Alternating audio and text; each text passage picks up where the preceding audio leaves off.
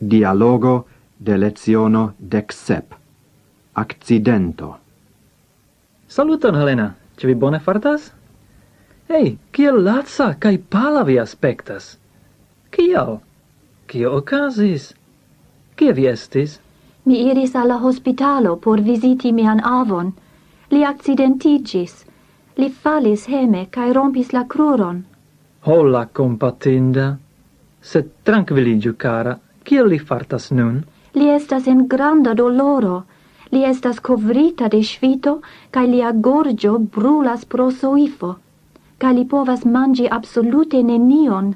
Sed kiel ocasis tia accidento? Nu, li falis. Cae, kiel vi scias, li loĝas sola, do neniu audis la bruon, kiam li falis. Pro tio, li cusis sango covrita sur la planco, gis li estis trovita de iunai baro. Tiam li febris, jam pro la sciocco de la accidento, cae pro perdo de sango. Sidigiu, cara. Anca vi estas iom sciocita. Vere, yes. La flegistino diras che la curacisto prescribis por li ammasson da drogoi.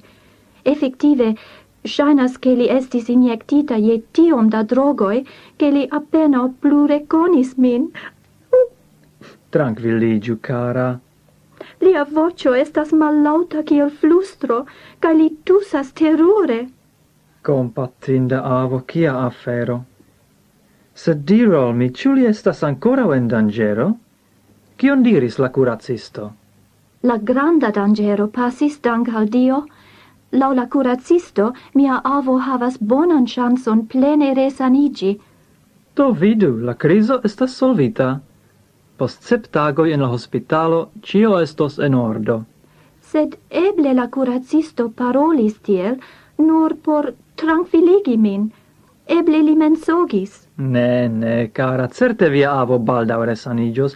Auscultu, morgau mi venos cun vi alla hospitalo por visiti lin denove. Danke, Kara.